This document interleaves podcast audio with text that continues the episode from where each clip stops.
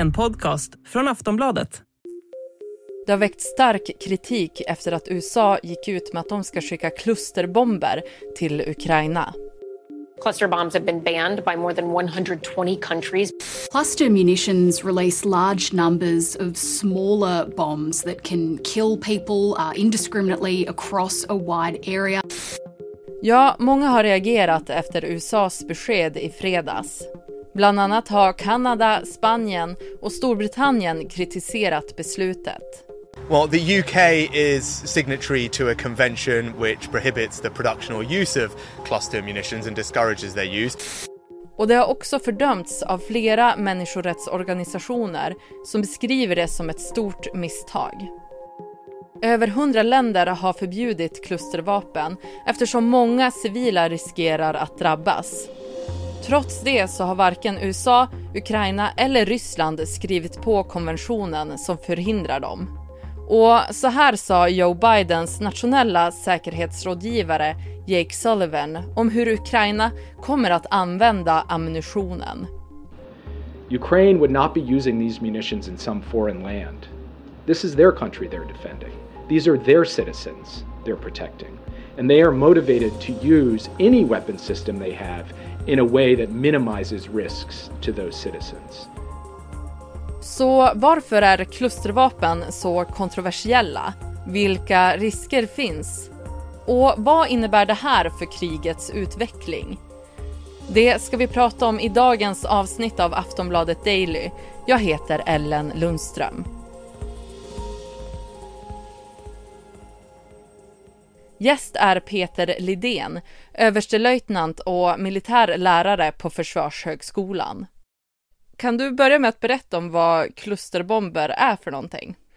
Ja, det är egentligen ett sätt att effektivisera kan man säga. Eh, istället för att skjuta en granat så skjuter man en, en eh, projektil som sen släpper ut ett antal mindre laddningar som då landar och täcker en större yta på samma gång så att säga. Eh, och det finns då dels som projektiler att skjuta från artilleri som i det här fallet är aktuellt. Och sen finns det också då som exempelvis glidbomber till flygplan eller till ammunition då till raketartilleri. Så det finns lite olika sätt att bära fram de här på. Varför är de så kontroversiella? Därför att när man släpper ut ett antal mindre stridsdelar så, så kommer det att vara felfunktion på vissa av dem. Och beroende på hur stor felfunktion det är procentuellt sett. Om det är mindre än en procent så anses det då vara ganska säkert. Men om det är mer än en procent så, så kommer det att ligga kvar och då utgör de här egentligen en slags minor kan man säga som ligger längre kvar och som då kan vara farliga när folk trampar omkring där. Är det de som kallas för blindgångare? Precis så. Eh, och när det gäller den här ammunitionstypen så hade den i de gamla versionerna i USA uppemot 14 procents sån här eh, blindgångarfunktion eller felfunktion. Då. Eh, den, den, modernare typen har bara ner till 2,3 någonstans men det är fortfarande mer än 1 procent. Eh, de ryska varianterna och Ryssland har ju använt det här ända sedan kriget började 2014 Eh, de har uppemot 30 procent felfunktion. Och kan du beskriva vad som händer med platser som utsätts för de här? Ja, när de släpps ut och i det här fallet så täcker man en yta på ungefär då fyra fotbollsplaner egentligen i en kvadrat, ska vi säga kvadratmönster. Ehm, då, då, exploderar några av de här direkt när de träffar en yta, exempelvis då om de ramlar ner i en skyttegrav ehm, medan andra då är gjorda för att kunna bryta igenom tunt men ändå pansar, alltså genom fordon och så. Ehm, sen de som då blir felfunktion, de ligger kvar under lång tid där. Det är ju så att det är bara de som, som så att säga inte fungerar som blir farliga i långa loppet. Eh, men där har man också på modernare sådana här vapen satt in en självförstöring efter ungefär en 15-20 minuter. Eftersom man ju själv vill kanske röra sig framåt där med, med sin egen trupp efterhand. Och då vill man att inte ha någonting sånt kvar i, i terrängen då. Men även den här självförstöringens mekanismen slår fel ibland och det är det som gör det här kontroversiellt. Kan du berätta mer om vilka risker som finns med de här klusterbomberna? Risken är ju då att det sprids ut över stor yta, att man inte får eh, ska säga, avsedd effekt på dem, att de då blir en slags mindre men ändå minor. Eh, och när sen eh, förhoppningsvis freden kommer och folk rör sig i området så, så, är det naturligtvis förödande för, för människor och djur och annat som rör sig där. Men då ska man ha klart för sig också att det här är ju den del som får fel funktion. Det som händer nu varje ledig stund så håller ju ryssarna på att minera med truppminor. Och de är ju avsedda just att ligga kvar länge och vara farliga och lemlästa folk. Så att här handlar det också om att ju längre tid ryssarna har på sig att minera, desto större blir ju det problemet. Och de är ju som sagt avsedda och när de har felfunktioner, och det är ganska få, då, då eh, kommer det inte att få samma konsekvenser. Så att man ska väga det mot detta också. Och kan du ge några exempel på när de har använts? Ryssarna har använt det egentligen som sagt från krigets början 2014. Det har Ukraina också.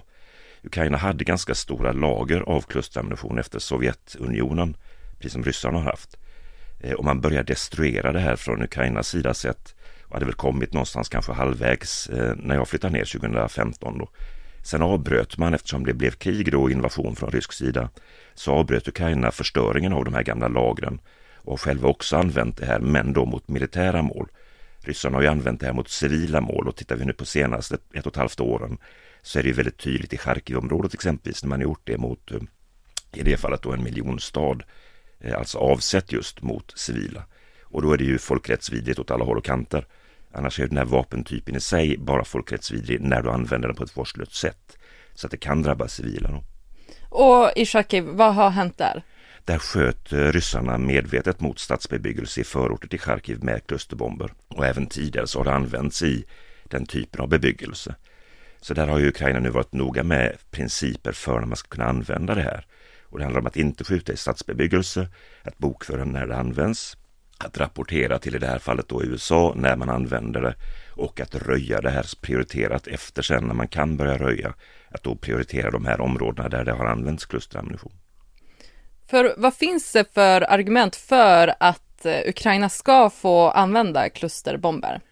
Det är effektivt, det är väl egentligen det som är det stora eh, argumentet. Men sen är det också så att den ordinarie artilleriammunitionen som ju har mycket större laddningar och som också har felfunktion och kan ligga kvar, eh, den eh, har man inte hur mycket som helst av. Så på det här viset får man någonstans 2 till 5 miljoner kanske granater eller då projektiler tillgängliga för att kunna använda i den motoffensiv eller den befrielse som nu Ukraina genomför. Och vad är argumenten mot det här? Det är ju just att man gör terrängen farlig eh, framgent. Eh, men igen, Ukraina är nu världens mest minerade land. Så att man ska ha det i bakhuvudet att mineringarna är ju ett större problem på flera sätt. Dels verkan de har, dels att de läggs ut för att just slå mot människor som rör sig och djur i terrängen. Eh, och att ryssarna ägnar varje ledig stund åt att minera. Snart ska vi prata vidare om hur USAs beslut med att skicka klusterbomber till Ukraina kommer att påverka kriget. Vi är strax tillbaka. Millions of people have lost weight with personalized plans from Noom. Like Evan, who can't stand salads and still lost 50 pounds. Salads generally for most people are the easy button, right? For me, that wasn't an option. I never really was a salad guy. That's just not who I am. But Noom worked for me. Get your personalized plan today at Noom.com. Real Noom user compensated to provide their story. In four weeks, the typical Noom user can expect to lose one to two pounds per week. Individual results may vary.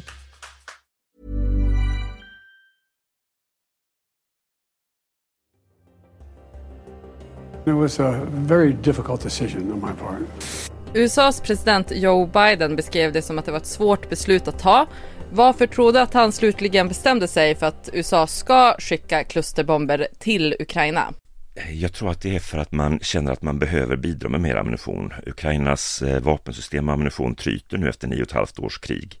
Eh, det de hade ursprungligen då, de sovjetiska systemen som också har använts, eh, de har ju vissa kalibrar. På det här viset kan man nu förse Ukraina med den typen av kalibrar som man har västliga system att skjuta nu.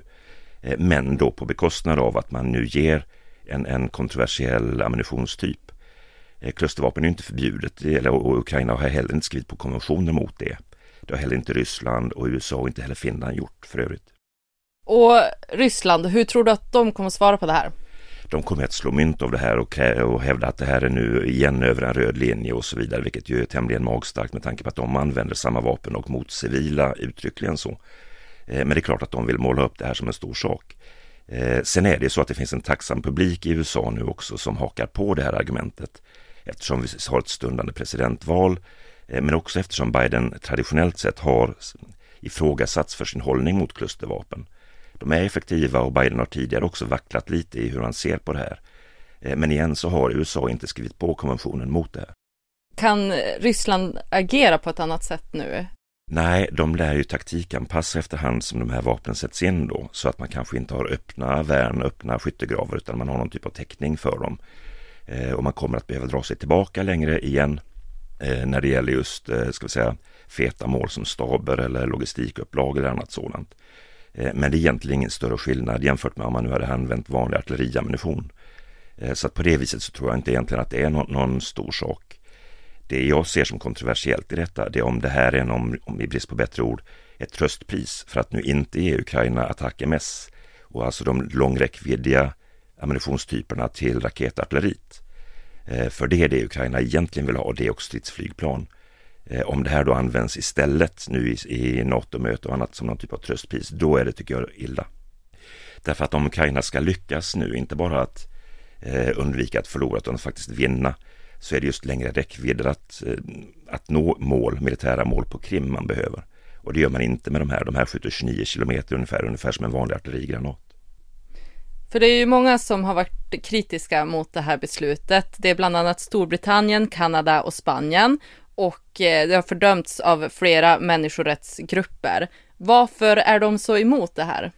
Det finns en konvention som skrevs på 2008 i Dublin där man förband sig att eh, då inte själv använda de här vapnen och det var också höjd med det som Sverige sen avskaffade sina motsvarande vapen, bombkapsel 90 som den hette. Ehm, och det gör ju också att det är kontroversiellt av det skälet.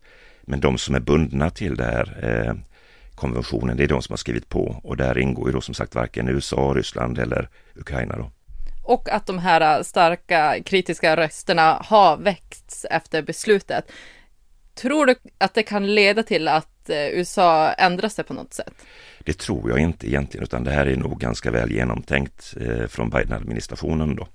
Men det är också ett problem att vi i väst importerar diskussioner från USA ganska okritiskt. Vi har ju där ett presidentval stundande och där, där kommer att blåsa upp ett, ett antal diskussioner som egentligen kanske mer speglar slitningar och ska vi säga, debatter i USA. Jag tror att de flesta inser att det här är egentligen ganska naturligt att, att man nu bidrar med även den här typen av ammunition. Men det finns liksom röster som vill jobba åt det andra hållet? Så gör det ju, eh, och inte minst som du säger då eh, människorättsorganisationer och även en fredsrörelse. Och det finns bland dem tror jag också gediget eh, välvilliga människor samtidigt som Ryssland naturligtvis utnyttjar detta och också har sina försänkningar i den typen av argumentation förstås. För Ukraina är ju utsatta för en invasion. Innebär inte det att man egentligen får ta till vilka medel som helst för att försvara sig? Ja, så länge man håller sig till folkrätten så är det så. Eh, och igen, det här, det här är ingen vapentyp i likhet med brandstridsmedel och annat som egentligen är folkrättsvidrig i sig. Utan det är hur man använder det och om man använder det mot civila eller vårdslöst så att det kan drabba civila. Det är det som gör då att det är eh, potentiellt folkrättsbrott. Eh, men Ukraina har ju ingen anledning naturligtvis att använda det på det viset på sitt eget territorium. Och man har ju då också liknat det här vid någon typ av cellgift. Ingen tar ju cellgift om man inte måste. Och i det här fallet så skulle det just vara ett verksamt medel och kanske det nu som kan hålla offensiven gående över hösten då också. På, det, på så viset så, så är det ju positivt. Och vad innebär det här för krigets utveckling framåt? Förhoppningsvis leder det till att kriget kan avslutas snabbare rent militärt. Eh, efter att Ukraina då har befriat hela sitt territorium och att man sen möjligen kan inleda någon typ av förhandlingar när man har kommit så långt. Men det sker nog inte i år, eh, så vitt jag kan se. Och vad blir nästa steg? Nästa steg är väl egentligen att se om det här är den, ska vi säga, så långt man nu kommer i NATO-toppmötet där man ju har väntat sig från Ukrainas sida att få betydligt mer egentligen eh, konkret stöd än detta. Eh, så man, man, kan väl hoppas att det blir mer än just detta också. Eh, nästa stöd är ju sen att det ska effektueras i likhet med mycket av det andra utlovade som ännu inte har levererats till Ukraina. Jag skulle tro att den här ammunitionstypen skulle kunna bli verksam i Ukraina ganska snabbt. Men ser vi på stridsflyg och annat så är det kanske först framåt vintern som det skulle kunna sättas in efter utbildningsinsatser och annat sånt. Det säger Peter Lidén, överstelöjtnant och militär lärare på Försvarshögskolan. Jag heter Ellen Lundström och du har lyssnat på Aftonbladet Daily. För mer nyheter, gå in på vår hemsida aftonbladet.se. Vi hörs snart igen.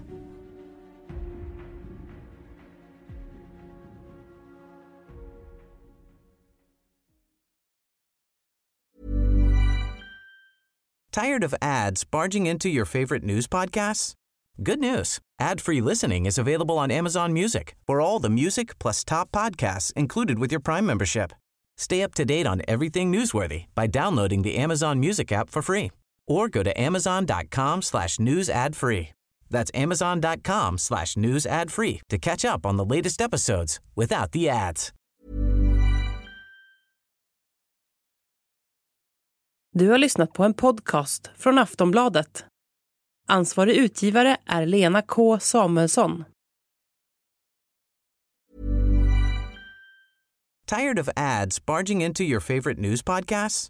Good news. Ad-free listening is available on Amazon Music for all the music plus top podcasts included with your Prime membership.